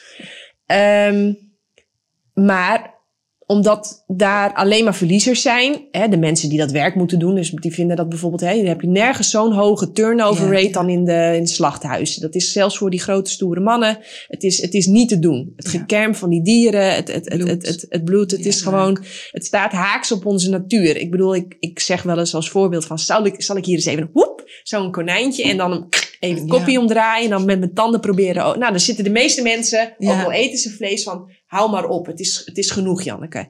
Dus dat laat wel heel veel dingen zien, inderdaad. Of je laat zien dat we walnoot gaan oogsten. En dan zie je iedereen, oeh, leuk, wanneer? Andere emotie. hele andere emotie. Heel primair. Echt, het komt van, van diep. Ehm, maar het feit dat het daar is, maakt toch niet dat ik dan de hele dag in zak en as moet gaan Nee, zitten. precies. Maar da- Of- dat is hem, hè, ja. Je kan dat oordelingsvermogen voor je gebruiken. ja. Dus als, eh, als jij iets herkent dat niet oké is, dan kan je door dat oordelingsvermogen eh, dat bepalen Ja, en dus voor de andere weg kiezen. ja, Maar je hoeft niet door dat oordelingsvermogen constant onder die druk gepaard te ga- te dat gaan. is het verschil. Ja. Yes, die had ik op mijn lijstje staan. Zullen we weer naar jouw lijstje? Nou, ik Oh. denk dat die wel voor veel mensen heel relevant is. En heel... eh, Nou, al voor mij, deze podcast is voor mij al relevant. dus ik ga hem gewoon kijken. En ik weet veel vrienden van mij die hiermee worstelen ook. Dus het was fijn dat jij juist vroeg, kunnen we het hier over hebben? ja. Nou, eentje die ik wel eens voorbij hoor komen. Eh, een kwestie aangaande eetprobleem of eetstoornissen. Ehm, en dan hoor ik wel eens, ik kan niet vegan eten omdat eetrestricties psychisch ongezond zijn voor mij. Oh ja, ja. Ehm, ik heb ook een keer mijn boek, die had ik opgestuurd en toen kreeg ik hem terug, echt met zo'n lap tekst, helemaal uitgelegd dat, dat het openslaan van het boek Ja. al één grote trigger was. Ja, Dus, dus alleen de plaatjes al. Terwijl ik krijg gelukkig heel veel meer mails die zeggen: Wow, wie heeft dit boek opgemaakt? Want het is zo vrolijk en kleurrijk en uitnodigend om nou ja, dat Ja. alles ook te gaan proeven. Ehm, ja, ik heb juist het idee, eh, tenminste, dat is wat ik zie. Ehm, eh, voor gevoelige mensen is het volgens mij het ultieme dieet. Want ehm, dat merk ik ook aan mezelf. Eh, als je, eh, kijk, dierlijke producten. Het is niet alleen dat ze heel veel cholesterol en zware metalen en plastics en, en, en bestrijdingsmiddelen bevatten. En eh, ijzer, wat, wat, wat niet geschikt is voor ons lichaam, dat het daarom heel slecht is. Maar ook die trilling, hè, die angst, die onderdrukking, die pijn, die stress die daar ook in opgeslagen zit. Dat, dat, dat, dat verteert ook niet lekker. Dus als je dan ineens een overvloed aan fruit en groenten mag gaan eten, wat, wat een hele hoge trilling heeft, wat heel, ja, volgens mij is dat ultiem. Ik hoor, ik heb, eh, ik hoor wel eens verhalen dat, eh, hè, want bijvoorbeeld Isabel Veteris, die, eh, die is nu wereldkampioen powerliften, maar die heeft ook een blauwe maandag eh, ja, heel erg last gehad van een eetstoornis. Een korte tijd, heel intensief. En, maar ze had ook direct door, dit is het niet. Ja. En ze zei, dan kom je in zo'n kliniek en dan moet je roze koeken gaan eten. Oh ja, die heb ik ook wel eens gehoord, ja. En ze zei, ja, Ja. ja. En onder toeziend oog moet je dan een roze koek eten. Ze zei, ja, maar dat, dat, dat, dat, dat zou ik sowieso niet eten, weet je wel. Het is niet lekker, het is niet gezond. Waarom zou je dat in je lichaam stoppen? Dus dat werkt ook niet. Nee. Ik, ik eh, merk dat ik een beetje vaag ben in mijn antwoord. Wat, wat is Nou, jouw... Mag ik eh, wat ja, toevoegen? ja. Want ik denk ook dat het daar... De, als je natuurlijk een eetstoornis hebt, tenminste, dat is even een invulling misschien, maar dan eh, heb je jezelf heel lang wat ontzegd, namelijk voedsel. En dan ga je leren om weer te eten. En dan ga je leren dat je van alles mag eten. Dus er zit nog mogen in. En als je vegan wil worden of zo, als je dat al kan worden, dat zijn al keuzes waarbij je misschien, als je hem nog niet helemaal voelt, doet vanuit een mentale oplegging. Dus ik mag nu geen zuivel meer, ik mag nu geen vlees meer, ik mag nu geen vis meer. En dan in één keer wordt het een oplegging en komt het dus, schuift het dus zo in wat je net hebt afgeleerd. Namelijk dat je van alles niet mag. Maar je mag dus alles. Ga je dat transformeren vanuit, oh, ik doe het voor de dieren of voor de aarde dan komt het vanuit mogen. En dan wil je in één keer fruit eten. Dan wil je groente eten. En dan is het spectrum heel groot. En dan is het vanuit, yay, wat jij net zegt. Van het is leuk. Maar dat leuke moet je eerst voelen. Dus ik denk dat je daar... Uh, nou ja, en ik wil nog één laagje dieper. Want uh, wel of niet eten of veel te veel eten of veel te weinig eten.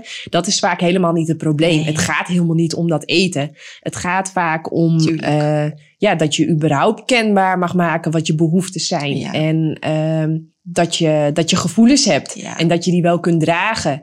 En uh, ja, ik, ik heb vaak het idee dat het helemaal niet om dat eten gaat. Maar het gaat niet om het eten. Nee. nee. Het is vaak ook een beschermingsmechanisme.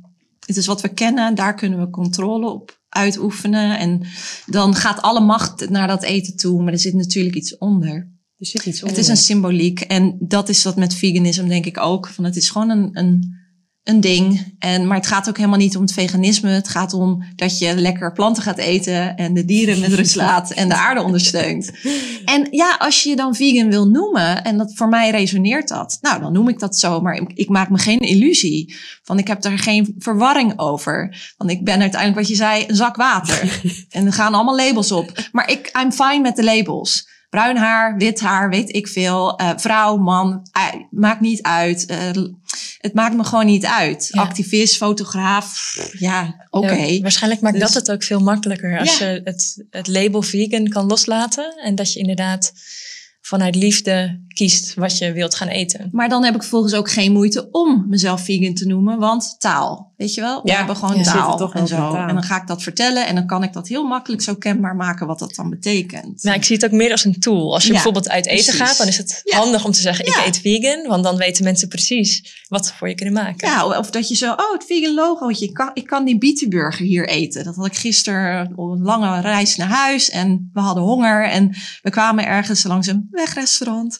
um, maar ze hadden een bietenburger en er stond zo vegan en ik dacht, ah, oh, het is zo fijn dat we helderheid hebben in taal. Weet je, dat we dat ja. kunnen gebruiken. Dus, maar. Ja. Maar nog even terug naar want de, de vraag stellen. Jij, volgens mij heb je zelf ook het antwoord. Want jij zei namelijk letterlijk: ik zie hem soms voorbij komen. Uh, de, je noemde het woord trigger. Ja. ja, jij noemde het woord trigger, maar dat was wel een goede inderdaad. Oh. wat, wat stond er nou letterlijk op je briefje? Ik kan niet vegan eten omdat eetrestricties psychisch ongezond zijn voor mij. Oh ja, die restricties ja. Ja. ja. Vreselijk. En met alle respect natuurlijk naar iedereen met een eetprobleem. Want ik kan me ja, voorstellen dat het ja, echt een vreselijke plek is om en te zijn. En dat je restricted voelt. Dat is verschrikkelijk. Ja. Ik, ik, als ik mensen begeleid om af te vallen, zeg ik, we gaan ook niet afvallen. En we gaan nee. ook niet restricties opleggen, want daar houdt ons brein niet van. Dan wordt er ook Precies. volgens mij dopamine actief. En dan lijkt het wel dat als je geen, uh, uh, god noem eens iets geen, uh, geen uh, suikerspin mag eten, dat je ze ineens de hele tijd suikerspin wil eten en ook overal ziet. Dus, oh, dus ja. het, het, het, het, het is, het, ja, er wordt stress, uh, het is gewoon stressvol voor je lichaam. Want ja. je lichaam wil een overvloed, een overvloed aan knuffels, aan, aan, aan, aan eten, aan drinken, aan, ja, nou, wil gewoon overvloed. Hè? Dat ontspant ook lekker. terwijl als je, ja, dat, dat, dat, dat, het mag niet. Het, het, het beklemt. Ja vraagt om verzet. Het vraagt om verzet, ja. Het vraagt om, ja. ja. Maar het knijpt ook af. Het knijpt af. Ja. Dus, um, ja, dus stel dus, je. Dus, dus, dus, dus, dus eigenlijk het, het mogen en het willen omdraaien. Precies. Ik ja. mag dit niet. Als mensen zeggen ik mag dit niet, dan zeg ik ook altijd, oh, grappig, van wie mag dat dan niet? Ja, ja, dan zitten ze wel even na te denken, inderdaad. Oh, mag niet. Ik zeg dat je dingen niet wil of dat je de voorkeur geeft aan bepaalde dingen. Ja, dat is natuurlijk een heel ander verhaal. Ja, precies. Maar hoe kom je daar dan?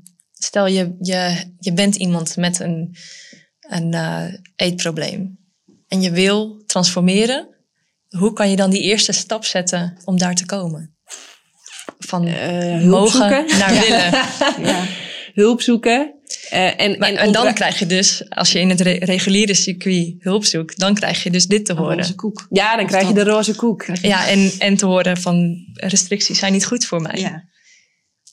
Ja, Ontspannen. ontspannen. Uit het reguliere circuit stappen. Ehm, ja, en dan, eh, dan eh, zoeken, zoeken, zoeken. Net zolang tot je iets vindt wat Ja. wel goed voelt. Ja. En, eh, en aan de slag van wat zit hieronder? Wat, Ja, wat, wat, wat, wat ont, mag ik mij in ontwikkelen? Oftewel, wat mag ik afdoen wat niet van mij is? En ja, dan hopen dat je op een gegeven moment de twinkeling vindt en denkt van... eh hey, het, eh, En misschien dan ook toch op je eigen autoriteit kunnen vertrouwen dat jij zelf kan beslissen wat uiteindelijk Ja, goed voor jou is en niet. Ja. oh, Ja, Ja, maar ja, ja. Ja. die is echt mooi. Ja. Alleen Ja. volgens mij is dat bijna. eh, Wat ik zie, en dit is, dit is lichtelijk oordelend, een beetje heel erg, maar dat is volgens mij als je het medische circuit ingaat, het reguliere medische circuit, dan is het eerste wat ze zeggen: Oké, jij bent de Ja. patiënt, ik ben de expert en let it go. Achterover rust, rust, eh, gaan leunen, want wij, wij gaan dit oplossen, wij gaan dit fixen. En dus je bent al geschrokken, want er is al iets overkomen wat je niet op de planning had. En dan vervolgens moet je eigenlijk weer een stap naar achteren. Dus je, je lag al op de grond en dan moet je nog verder eigenlijk buigen, bukken. En, en dan wordt alle verantwoordelijkheid bij je vandaan genomen. Eh dan gaat de hele les volgens mij ook, eh, ja, gaat, wordt verspeeld. Eh, want er wordt eigenlijk gezegd, misschien wel, het pad wat je nu loopt, dat is niet jouw pad. En je moet een beetje koers wijzigen. En dat kan een beetje anders eten, een beetje anders werken, een beetje andere relatie, een beetje anders denken. Het kan van alles zijn. Maar zoals je het nu doet, dat maakt je lichaam ziek. Dus volgens mij moet de arts achter de patiënt gaan staan Ja. en zeggen van, oké, eh, we waren nu op dit pad, niet jouw pad, want het maakt je lichaam ziek. We gaan een beetje, ga maar eens een beetje verkennen en dingen anders doen. En daar wil ik je wel mee helpen. Ik vind het zo leuk dat er soms dan toch artsen zijn die dat doen. En dan ben ik altijd helemaal zo blij en verrast. Heel af en toe dan ontmoet je er nog eens Ja. een en die zegt echt van... ik ga naast je staan of ik Ja. ga achter je staan. Ik Ja. ga je helpen, supporten. Dat is natuurlijk heel weinig en een speldenprik op wat er aan de andere kant gebeurt. En ik weet nog Hans Molenburg, dokter Hans Molenburg was er zo een. Die is inmiddels overleden. Maar die ging ook door tot in zijn negentigste met de praktijk. Altijd maar mensen ondersteunen. Ik zou mezelf, ik doe dan met kruidjes en zo mensen en dieren helpen. Ik zou mezelf nooit healer noemen, want helen kun je zelf. Weet je, dat Ja. is gewoon, je gaat gewoon zo, hier, ik ga naast je staan, ik ga je helpen op weg naar heling, want Nou, moet je nagaan? Dat stel je voor, je, ik heb dat zelf aan de lijf ondervonden. Hè? Ik had allemaal fysieke klachten. En die heb ik allemaal zelf Ja. gefixt. Nou, wat denk je wat dat doet met mijn zelfvertrouwen? Ja, dat is wow, ik sta dus zelf aan het roer. Ik kan zelf aan die knoppen draaien. Mijn lichaam reageert daar gewoon op. Dat is natuurlijk fantastisch. Ja. Terwijl als je, ja, ja, we hebben geknipt, en gezaagd, en gesneden, en wat gestraald. En ja, we hebben het weer opgelapt. En nu mag je naar huis. Het, je super kwetsbaar natuurlijk. Want ja, komt het terug? Of is het nu echt weg? En wat, ja, hoe kwamen we hierop? Eh, op, je, op je eigen Innerlijke autoriteit. ja, vertrouwen. mooi. ja, En die ging over? Nou ja, wat, wat je eigenlijk zegt, leiders maken leiders. Echte leiders maken nieuwe leiders. Echte leiders maken geen nieuwe volgers. Volgens mij dat, is dat een heel ja, een groot verschil. Ja. Ja. En ik denk dat we allemaal dus aangeboren een innerlijke autoriteit en wijsheid hebben. En dat zie je dus met de kruiden, planten, fruit. Van wat is je medicijn door te proeven, die je zintuigelijke bewustzijn weer te trainen. Ook te leren te ontspannen, want in de ontspanning zit ruimte. En dan voel je in één keer dat alles mogelijk is. En als ik een kleine tip mag geven, dat is meer mijn eigen ervaring. Maar ik zie ook dat ieder een eigen manier heeft. Dus Qigong was voor mij heel heilzaam.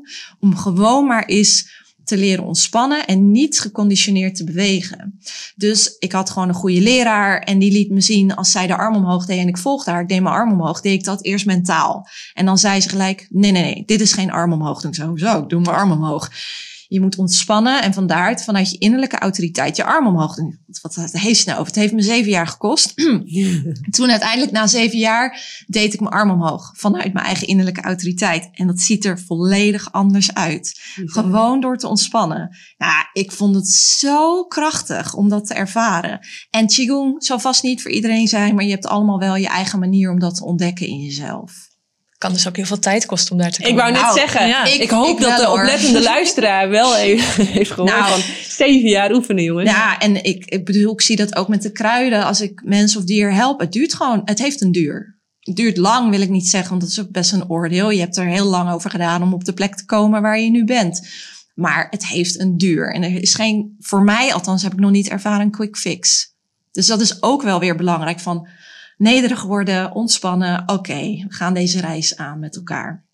Ja, ik ben de gelukkige leerling die geen schuld voelt dat ze aan het leren is. Ja, precies. Het is Ja, zo leuk. leuk. Het is Ja, zo mooi. leuk. Ik dacht, bedacht me net, het is eigenlijk ook wel paradoxaal om te horen te krijgen dat je iets niet mag doen, terwijl je juist, het gaat om het afschudden van die restricties. Ja, op basis van wat je net zei. Ja. Van, eh, dat met de eetstoornis. Ja. Ja, dat is het misschien ook. ja. Nou ja, Enfin. fijn. Leuk. Wat staat er nog meer op briefje? Eh, nou, iets heel anders. Ja. Ehm, Er staat hier zo'n heerlijke mand met fruit op tafel. Ehm, iemand die in de bijstand zit, of schuldsanering, of iemand met een heel klein budget. Kun je dan nog steeds win-win eten? En zo ja, heb je misschien tips hoe je dat kan bewerkstelligen? Ja. Wacht heel even, want jij hebt het ook uitgerekend. want ze appte mij dit. En ik denk, verdomd, je hebt gewoon zitten uitrekenen. Dat doe jij dan weer. Ja, ik heb gekeken. Maar van, het is nou, wel leuk om eventjes te zeggen. Ja, van de typische fruitsoorten die dan eh, in Nederland gebruikelijk zijn. Ehm, ik zag ergens in een post, zei jij iets van... ehm, begin maar eens met 15 stuks fruit op een dag eten. Naast al het andere wat je verder zelf wil eten. ja. Nou, dan kom je ongeveer op 4 euro per dag uit. Dus dat is ongeveer 120 euro per maand. Nou, dat is eh, een redelijk te overzien bedrag als je alleen bent. Maar al heb je bijvoorbeeld nog twee kinderen en je bent een, nou, zeg een alleenstaande moeder in de bijstand, dan is dat dus al 360 euro. ja. Dus dat is dan al iets van 30% van je inkomen. En dan moet je nog je andere boodschappen Ja, doen. maar Maartje, is het niet überhaupt vreselijk dat wij dit moeten bespreken? Ja. Ja. Dat is toch Absoluut. echt vreselijk. Ik Het is, bedoel, eh, er is ja. eh, afgelopen week weer opnieuw een motie ingediend om BTW van onbewerkt groente en fruit af te halen. Ja, Dus weer van tafel geveegd. Ongelooflijk. Ongelooflijk. Ongelooflijk.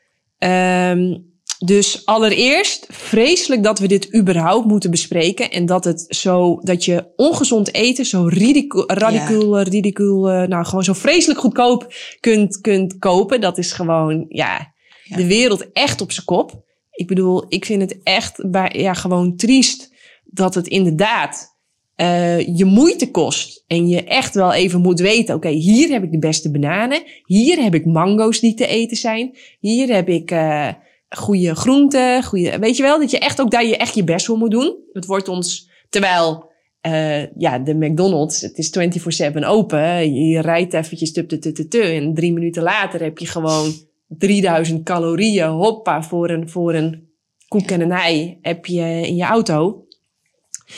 Dus dat eerst, dat we dit moeten berekenen, vind ik echt bijna, ja, dat is echt de wereld Ja. op zijn kop. Ja. Eh, helaas, pindakaas, is het wel waar dat, eh, en het wordt met de dag duurder. Ja. Ik bedoel, ik kom regelmatig bij de groothandel. Dat moet je zien als de markt voor de ma- markt. Eh, Jullie ook wel bekend, Jan van Galenstraat Ja. in Amsterdam. En dan ga ik naar de Stichter en de Mooi. Dat, dat, dat, dan heb je honderden bananendozen en, en honderden mangodozen en, en zes verschillende sinaasappels en honderd... nou ja, het is echt, echt gigantisch hoeveel eh groente en fruit je daar hebt. Ehm, ja, het, het, het begint helaas pindakaas met creatief zijn. Dus als jij een beperkt budget hebt, dan is het eerst een lijstje maken van wat vind ik echt belangrijk en wat zijn voor mij de belangrijkste dingen om mijn geld aan uit te geven. Ehm, je kunt het inderdaad maar één keer uitmaken en toch uitgeven. En toch wil ik heel graag een shift maken in je mindset. Eh, ik hou namelijk er niet van om te denken vanuit schaarste. Dus als ik het woord budget hoor, dan denk ik direct: oké, dan moet dat budget dus groter. Hoe gaan we dat budget groter maken? Ja. Dat is het eerste wat ik dan hoor. Hè, dus eh, wat kun je doen om meer geld te verdienen? En, en als ik dan hoor, ja, maar dit en dit. En, als ik, eh, en dat, dat is ook wel vervelend volgens mij. Want als je in de bijstand zit en je gaat dan bijverdienen. Hè, je gaat dus initiatief nemen om meer geld te verdienen. Dan word je ook direct overal weer op gekort. Klopt, Dus ja. het, het is je echt wordt een- gestraft dan. ja, je wordt Ja. gestraft. Dus het is echt volgens mij iets waar je met, met, met piepende banden uit wil. Ehm, en zit je er dan toch in? Ja, dan is het dus niet eh, naar de Albert Heijn gaan om de hoogste prijs voor de laagste kwaliteit te betalen. Maar dan is het eh, om vijf uur met een lach op je gezicht en een twinkel in je ogen naar de markt. En daar alles bij elkaar te verzamelen wat over is, wat weg wordt gegooid. En wat je dus echt. Ik weet nog wel dat ik noodgedwongen soms uit een training pas om vijf uur naar de markt kwam, weet je wel. En dan had ik dozen avocados voor een euro en zakken met zo. bananen voor een euro. En allemaal nog goed. En ah, ja, natuurlijk, je moet ook wel drie, vier weggooien. Ja. Maar er zit ook nog heel veel goede spullen bij. kan Ja, bij het dus- compost. Ja, dus, dus ja, dan denk ik toch dat tip 1 is creatief zijn. En vanuit de, de switch maken van schaarste naar overvloed. En kijken van, eh, ja, wat, eh, wat kan wel? Ja. En, en don't Ja. let be perfect the enemy of the good. Ik bedoel, eh, eh, zorg dan dat er een basis staat van Euroshopper havermout. En eh, dat je daar het gros van je calorieën uithaalt. Weet je wel, het is niet het allerbeste. Maar er zijn zoveel dingen zo ongelooflijk veel slechter. En ga dat dan aanvullen. Ja. Ik bedoel, we zien in studies terug. eh, hè, die heb ik in de eiwitleugen ook wel veel aangehaald. Dan gaan ze onderzoek doen in Afrika. Die mensen die eten veel te weinig vitamine C. Veel te weinig van dit. Maar ze eten geen dierlijke producten. Dus ze, ze eten eigenlijk super schraal. eh, maar geen dierlijke producten. Joh, hele vrolijke, gezonde mensen. Dan denk je, hoe is het mogelijk? Dus of dierlijke producten zijn echt super slecht voor het lichaam. Of planten zijn echt magisch. Eh, maar ja, zolang je gewoon in dat plantaardige spectrum blijft. En dat zo onbewerkt mogelijk probeert te doen. Nou, dan zit je qua gezondheid, sta je echt al 100% voor op de rest. Ja, Hoe groot of klein je budget dan ook is. als je een avocado voor een euro kan kopen, dan heb je natuurlijk ook vrij veel calorieën al. Ja. En een biefstuk ga je niet voor een euro kunnen kopen. Dit is superleuk dat je dit zegt. Want mensen die zeggen ook heel vaak... ja, maar die avocado's, er staat in de krant non-stop... dat die heel slecht zijn, heel veel water consumeren. Dat klopt. Maar als je vervolgens gaat kijken... hoeveel vitamine, mineralen en calorieën... per waterdruppel dan terugkomt... dan blijkt een avocado efficiënter dan een appel. Ja. En ze groeien ook nog aan een boom natuurlijk, die gewoon het hele jaar door CO2 uit de lucht haalt. Ja, weet ik niet of CO2 nou echt zo'n probleem is. Eh, maar... eh, Dat is een an- voor, een andere, voor een andere podcast. Dat is voor een andere podcast. Ehm, dus ja, is dit een beetje, zou je je... hier- Ja, en nou, eh, bij het uitrekenen verbaasde ik me eigenlijk over hoe evengoed ook voordelig fruit is. Want een banaantje kost iets van 20 cent gemiddeld ja, als je een hele tros koopt. Dan krijg je best veel goed spul voor dan binnen. krijg je Ja, het allerbeste. 20 Dan krijg je cent. precies wat je lichaam wil. Ja. Ja, het Hoewel dat dan niet de biologische bananen zijn. Nee, dat vinden we ook wel weer fijn. Ja. Als dat kan, natuurlijk. Ja, ja. Maar ja, je Ik- ziet ik- hier gewoon hoe, hoe fucked up het systeem dus is. Want inderdaad, we kunnen niet eens naar biologisch gaan. Want dan hoor je al, dat is nog duurder. Ja, Ah, maar ja. de aarde en zo. En Ja. je, waar, begin, waar, waar begin je met dit gesprek? Nou ja, de gezondheid van de aarde bepaalt jouw gezondheid. Dus eigenlijk wil je, tenminste dat heb ik. Ik heb op mijn achttiende gewoon, ik ging het huis uit. Gedag en tot ziens jongens, nu ga ik het lekker op mijn eigen manier doen. Dus dat was helemaal biologisch. en er zeiden mensen, wow, waar betaal je dat van? Nou, Ja. eerst eh, twee bijbaantjes, keihard werken, keihard. Dus niet in je bed blijven liggen, niet scrollen, geen nieuws kijken, geen krant lezen, geen Netflix. eh, allemaal die bullshit doe je allemaal niet. Want daar heb je gewoon geen tijd voor als je dat soort dingen belangrijk zijn. En dan, eh, ja, het heeft me alleen nog maar heel veel opgeleverd. Ja. En ik zeg altijd, ik betaal liever nu voor gezondheid dan later voor ziekte. En eh, ja, het zijn ook keuzes. Ja, ja die maar voor het mij, is hoor. lastig. Ik bedoel, Ja. ik zit hier ik, eh, Ja. in een bevooroordeelde, Ja, eh, bevoorrechte. een bevoorrechte positie. Ja. Dus ja, misschien is het ook allemaal makkelijk lullen. Ik weet het niet. Ik ben daar niet geweest. Ik hoop er ook nooit te komen. Maar dit is jouw ervaring. En dit is- en dat dit- is ook van waarde. Ja, dus eh, En voor mij was dat hetzelfde. Ik was ook 18 en ik ging ondernemen. Ik wilde de dieren helpen, de aarde helpen. En het eerste wat ik deed is, ik rende naar de Gimsel in Rotterdam. Ja. En ik kocht daar de biologische groenten van het seizoen. En ik dacht, "Oh, dit is echt het beste wat ik mezelf Ja. kan geven. Ja. En de aarde. Dus het was, ja, jouw win-win was zo spot on wat dat betreft. En ik regelde het wel dat ik het kon betalen. En ik had, ik heb niet gestudeerd. Ik kwam van de HAVO, dat ging ik doen. Ik ja, maar ben wel opgegroeid met niet lullen maar poetsen. En geld hebben we niet, maar wel boutjes en moertjes. Dus we maken alles. Ja. Dat is, maakt wel uit. Ik werd enorm geondersteund door mijn ouders om te creëren. En ik denk dat dat heeft geholpen om geen beren op de weg te zien. ja.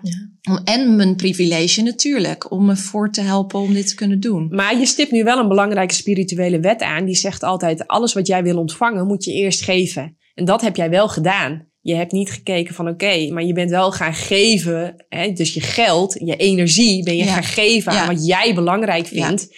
En eh, ja, Ja, je, er kanaliseert het toch daardoor. Hè? Want je, je zegt gewoon tegen wat je wil creëren, deze kant op. Hier Ja. mijn geld heen, hier mijn keuzes naartoe. En dan Ja. in één keer gaan de dingen werken en bewegen. En dan zou ik daar heel spiritueel over kunnen doen. En tegelijkertijd in alle eerlijkheid, ik heb dat in werking gesteld. Dus ik vind dat ook altijd wel heel mooi. Van waar je je mind toe zet, Ja. kun je dus creëren. Ja. Ja. Ik ben heel nieuwsgierig naar de andere vragen. Nou, Volgens Eh, mij. de eh, meeste hebben we zo eh, tijdens het gesprek wel eh, aangestipt. Maar wat ik ook nog wel interessant vind, kunnen kinderen ook win-win eten?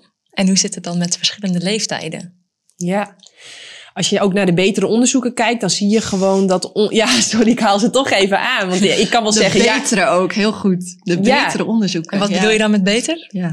Nou ja, dat je gradaties hebt in, het Ja. man- in de manier waarop je iets kunt onderzoeken. En dat sommige manieren zijn wel leuk, wel interessant, wel nuttig, hebben ook hun functie en hun noodzaak. Maar die, dat zijn onderzoeken die niet heel erg geschikt zijn om eh, ja, die conclusies eigenlijk op je eigen leven te plakken. Gebeurt wel veel, geloof ik. Nou, het gebeurt aan de lopende band. Wat ik nu bijvoorbeeld een hele opmerkelijke trend vind, is al die vrouwen die het ontbijt aan het overslaan Oh, zijn Ja, ja. omdat we in eh, dierproefstudies met mannelijke muizen hebben gezien dat het af en toe vasten kan levensverlengend zijn. Nou, dat is helemaal zijn eigen leven gaan eh, leiden. Dus er zijn nu allemaal vrouwelijke mensen eh, ja, ook eh, aan het vasten en heel erg het ontbijt aan het overslaan. Eh, in de hoop eh, vet te verliezen of droger te worden. Of, Los daarvan echt, dat we dus de wonderlijkheid van het systeem, dat we heel veel dieren gaan martelen om wijsheid over ons lichaam te krijgen, blijf ik echt een soort van uh, Er is ook waanzin, want we weten letterlijk al 130 jaar lang dat, Dat iets wat uit dierproefstudies naar voren komt. En dat zien we dus ook nu ook bij Ja. de vrouwen. Hè, dus iets wat op een mannetjesmuis eh, eh, succesvol kan zijn, levensverlengend, heeft letterlijk op vrouwenmensen tegenovergestelde effecten. Hè? Je hormoonhuishouding laat, eh, raakt in, eh, in de war. Eh, nou ja, ze worden zagrijnig, ze krijgen niks meer uit de vingers. Per saldo worden ze dus ook alleen maar zwaarder en zwaarder. Want ja, er is geen energie voor de spieren 's ochtends. Dus ja, geen zin meer om te trainen. Of als ze wel al gaan trainen, ja, wordt die training iets van minder, minder van intensiteit. Dus het, het, het, het, het werkt niet. Maar goed, ehm, je ziet dus als je studies met heel weinig bewijskracht, dat zijn de reageerbuisstudies, eh, de case-studies, de dierproefstudies.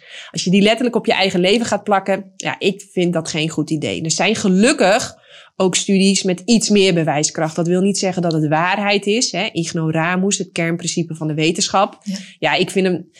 Dat, dat betekent dus dat geen enkel idee heilig is. Je mag altijd vragen stellen. Je mag altijd opnieuw onderzoeken. Je mag altijd blijven discussiëren. Ehm, Want het is iets wat in beweging is, toch? Kennis. is- het je bent het aan het verzamelen ja, en aan het leren. Ja. En, ehm, maar gelukkig zijn er dus dan wel bijvoorbeeld meta-analyses uit peer-reviewed magazines. Hè, dus dat zijn onderzoeken die dan door andere onderzoekers eh, opnieuw op na worden gedaan of er wordt meegekeken. En dan hopen we dan de kwaliteit hoog mee te houden. Ehm, als daar consequent iets naar, uit naar voren komt, dan zitten we misschien in de buurt van de waarheid. Nou, uit dat soort studies komt naar voren dat een win-win dieet geschikt is voor iedere levensfase. Ehm, dat is natuurlijk ook logisch, denk ik dan. Ik bedoel, eh, ja, een, een, een hond of een koe eet eigenlijk ook zijn hele leven hetzelfde. Ehm, maar nu, wordt het, nu komt het leuke. Wij geven borstvoeding. Klopt. Ja, dat is, dat, dan, gooi joh, dan wordt je leven een heel stuk makkelijker. Ehm, omdat, omdat al die andere voeding, ja, dat is een soort van spielerij. Dat is, dat is bonus, dat is proeven, dat is eh, prutsen, dat is kliederen, dat is, eh, nou ja, dat. Ehm, het klinkt nu net alsof, alsof dit dan niet voldoende zou zijn. Terwijl een simpele banaan uh, bevat alle aminozuren, alle vitamine, alle mineralen. Dat is ook het leuke in wisselende hoeveelheden. Maar als je gewoon de hele dag door fruit en planten eet en je gaat dan aan het einde van de dag naar chronometer.com en je gaat dat invoeren, nou dan blijkt je dat je 400% van je vitamine A en 800% van je vitamine C en 600% van je vitamine K. Weet je wel, je krijgt het echt, de voedingsstoffen, alles wat je nodig hebt, krijg je echt in een overvloed binnen. Um, dus het, antwoord, het korte antwoord is ja. Het is geschikt voor iedere levensfase. En uh, ik zou, ja, zo lang mogelijk wel uh, uh, borstvoeding blijven geven, omdat je dan lekker makkelijk je vitamine B12 door kan geven. Tenminste, als je het zelf voldoende suppleert. Ja. Um, Jij geeft al elf maanden borstvoeding, hè? Ja. ja. ja. mijn zoontje is zeven maanden. Denk jij nog dat je B12 binnen zou kunnen krijgen als je ergens op een heel mooi stukje grond zelf boert en dan je sla niet wast? Ja, dat weten we niet zo goed. er zijn, er zijn onderzoekers die zeggen, nou ja, dat zou voldoende moeten zijn. Maar er zijn ook onderzoekers die zeggen, nee, uh, dat was uh, een paar Kan niet meer. Dat kan niet meer. Ja. Um, dat is te arm geworden. Ja, te arm geworden. Ja. Het, het water is eigenlijk te schoon. Te schoon. dat heeft voordelen, maar ook nadelen. Ja. Um, aarde te arm. Dus waar ik wel op let, is uh, ik suppleer zelf heel veel vitamine B12. Een overschot plas ik toch wel uit. Hm. En uh, ja, we kunnen niet echt een, een, een, toxische bovengrens vinden. Dus dan denk ik, nou, dan mag better gewoon... safe than sorry. Better safe than sorry. En dan ik die overvloed... Maar dit is een verhaaltje hoor. Uh, die zorgt dan ook dat er voldoende is voor Doudsem. Dus dat zij via mijn borstvoeding dat wel krijgt. Maar er zijn ook best wel wat mensen die hier weerstand bij kunnen voelen, omdat ze zelf een overschot aan B12 hebben gehad. En dat heeft fysieke problemen tot gevolg gehad. Wat zou je daarop kunnen zeggen? Want dat B12 is natuurlijk best wel een dingetje. Tekort, te veel, ellende. Ik, wat, wat, wat ik dan doe, is gewoon kijken van oké, okay, wat, wat, wat, wat leren we uit studies? Uh, en wat ik daar geleerd heb, is dat we hebben vier verbindingen. Die hebben allemaal hun voor- en nadelen. Ga ik in de boeken wel op in. Uh, niet in dit boek trouwens. In dat boek wat ik nu... Uh, ik ben Eet Win Win en supersnel herstel. Ben ik helemaal in een nieuw jasje aan het gieten. Komt een helemaal nieuw boek. plantaardig Leuk. eten op een supergezonde en verantwoorde Leuk. manier. um, maar die B12, we hebben dus verschillende verbindingen. Ze hebben allemaal hun voor- en nadelen. Ja. Um, ja, helaas, helaas moet je daar dus blijkbaar een beetje kennis over hebben om dat Ja. een beetje goed te doen. Want ga je gewoon naar een kruidvat en neem je een tablet wat je oraal uh, gewoon heeft zo even wegklokt. Ehm en het heeft net niet de goede verbindingen en er zit ook nog veel te weinig in. Ja, dan kan dat toch uh, dat je dat niet goed opneemt. Hè? Want dan moet het helemaal door je maag-darmsysteem. En iemand die niet zulke gezonde darmen heeft, ja, dan gaat Ja. dat gewoon net niet goed. Dus de meest veilige optie voor de meeste mensen om dan een redelijke waarde te krijgen, lijkt dan toch een zuigtablet. Oh ja. En ehm mensen met supergezonde nieren en zo, die kunnen dan een cyanocobalamine zuigtablet nemen. Die is, dat is de best onderzochte B12. Ehm maar je kunt ook voor adenylyl en methylcobalamine eh, kiezen. Die is wat makkelijker opneembaar. Maar ja, daar blijkt weer bij dat die minder stabiel is in het lichaam. Dus ja, het, ik, ik zeg ook heel vaak B12. Het laatste woord is er nog niet over gezegd Ja. en geschreven. Het is gewoon nieuwe materie. Eh, volgens mij een tekort wil je echt niet. Ehm, en een overschot, ehm, ja, wat jij net zei, dat is nieuw voor mij. Want ik heb altijd geleerd dat het een, een wateroplosbare vitamine is. En dat als het lichaam er te veel aan heeft, Ja. dat het gewoon uitgeplast wordt. Maar zijn Eh, overschot vindt misschien ook meer plaats bij mensen die injecties krijgen, omdat ze een tekort hebben Ja, gehad. dus dat, dat precies, dat was toevallig aan de hand in Ja. deze situatie. En dat vind ik opmerkelijk. dat, ik ja. snap dus echt niet waarom mensen, dat ze mensen met een tekort gaan injecteren. I know. Want dat, ligt, dat, dat is de moeilijkste op, dat is hydroxcobalamine waar ze dan mee geïnjecteerd worden. Ehm, dat is eigenlijk de, de lastigste opneembare vorm. Dus iemand die, die staat al met 10-0 achter. En die ga je dan bam, ja. in, direct superveel B12 in de bloedbaan spuiten. Dat snap ik gewoon niet. Ja, Dan denk ik, laat het lichaam dat zelf even rustig via de slijmvliezen door bijvoorbeeld zo'n zuigtablet even opnemen, opbouwen. Een vriendin van mij had dit.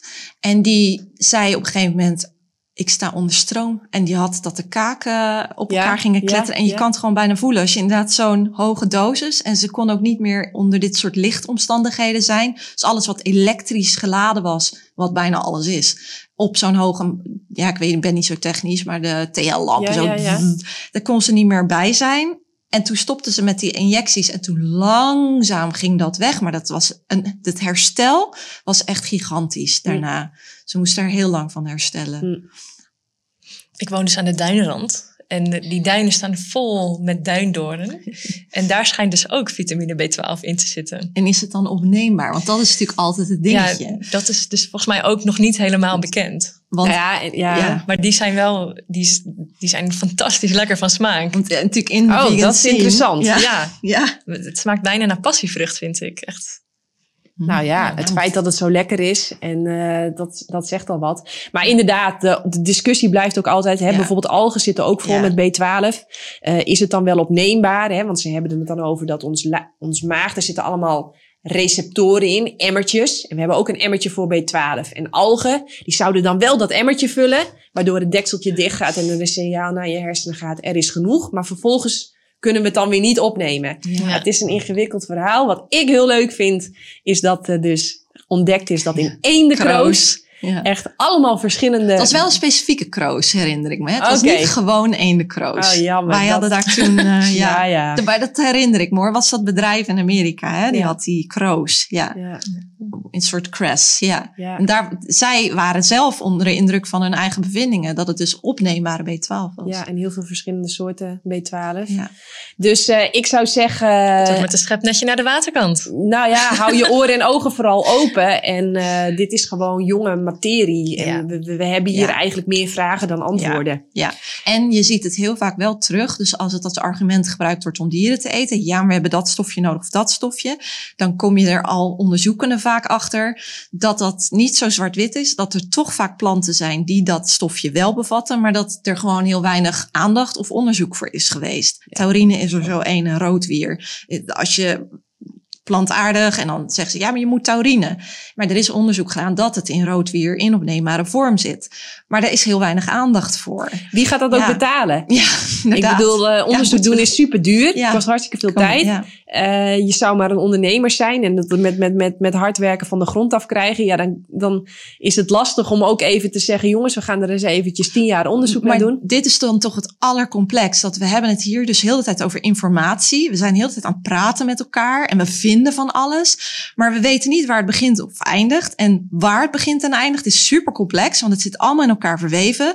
Dus hoe kunnen we dan überhaupt nog discussiëren? Want dat vind, oh, ik ben nu echt zo van, ja, het zal wel. Ik kom alleen maar heel de tijd terug. Laten we gewoon geen dieren doden en lekker plantjes eten. Dat is een beetje waar ik heel de tijd... Zullen we gewoon relaxen? Ik denk ook dat dat ja. de beste samenvatting is van alles wat we tot nu toe hebben besproken. Ah, Want cool. dat, dat, dat is wel Ja. wat je non-stop terugziet.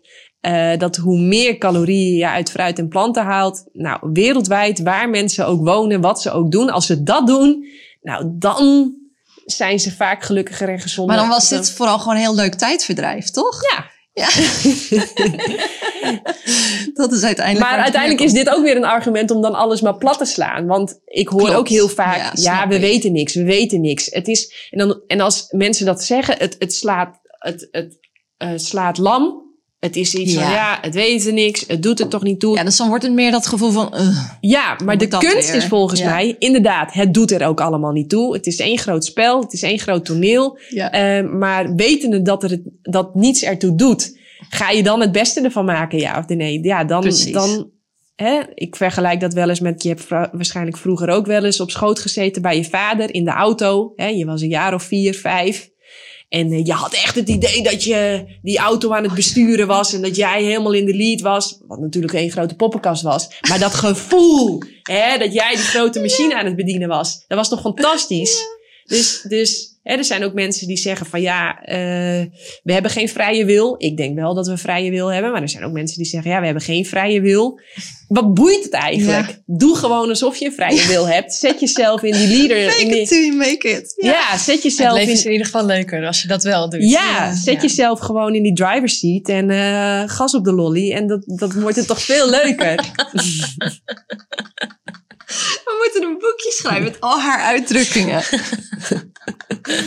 Janneke spreekwoordenboekje. er is iemand die is al mijn blogs op dit soort uitspraken en heeft ze helemaal allemaal opgeschreven. Oh, ze is een held. Waar je ook bent, je bent een held. Ja, ik wil, ik wil hem, ik wil hem. Ik wil het boekje van Janneke. Ja.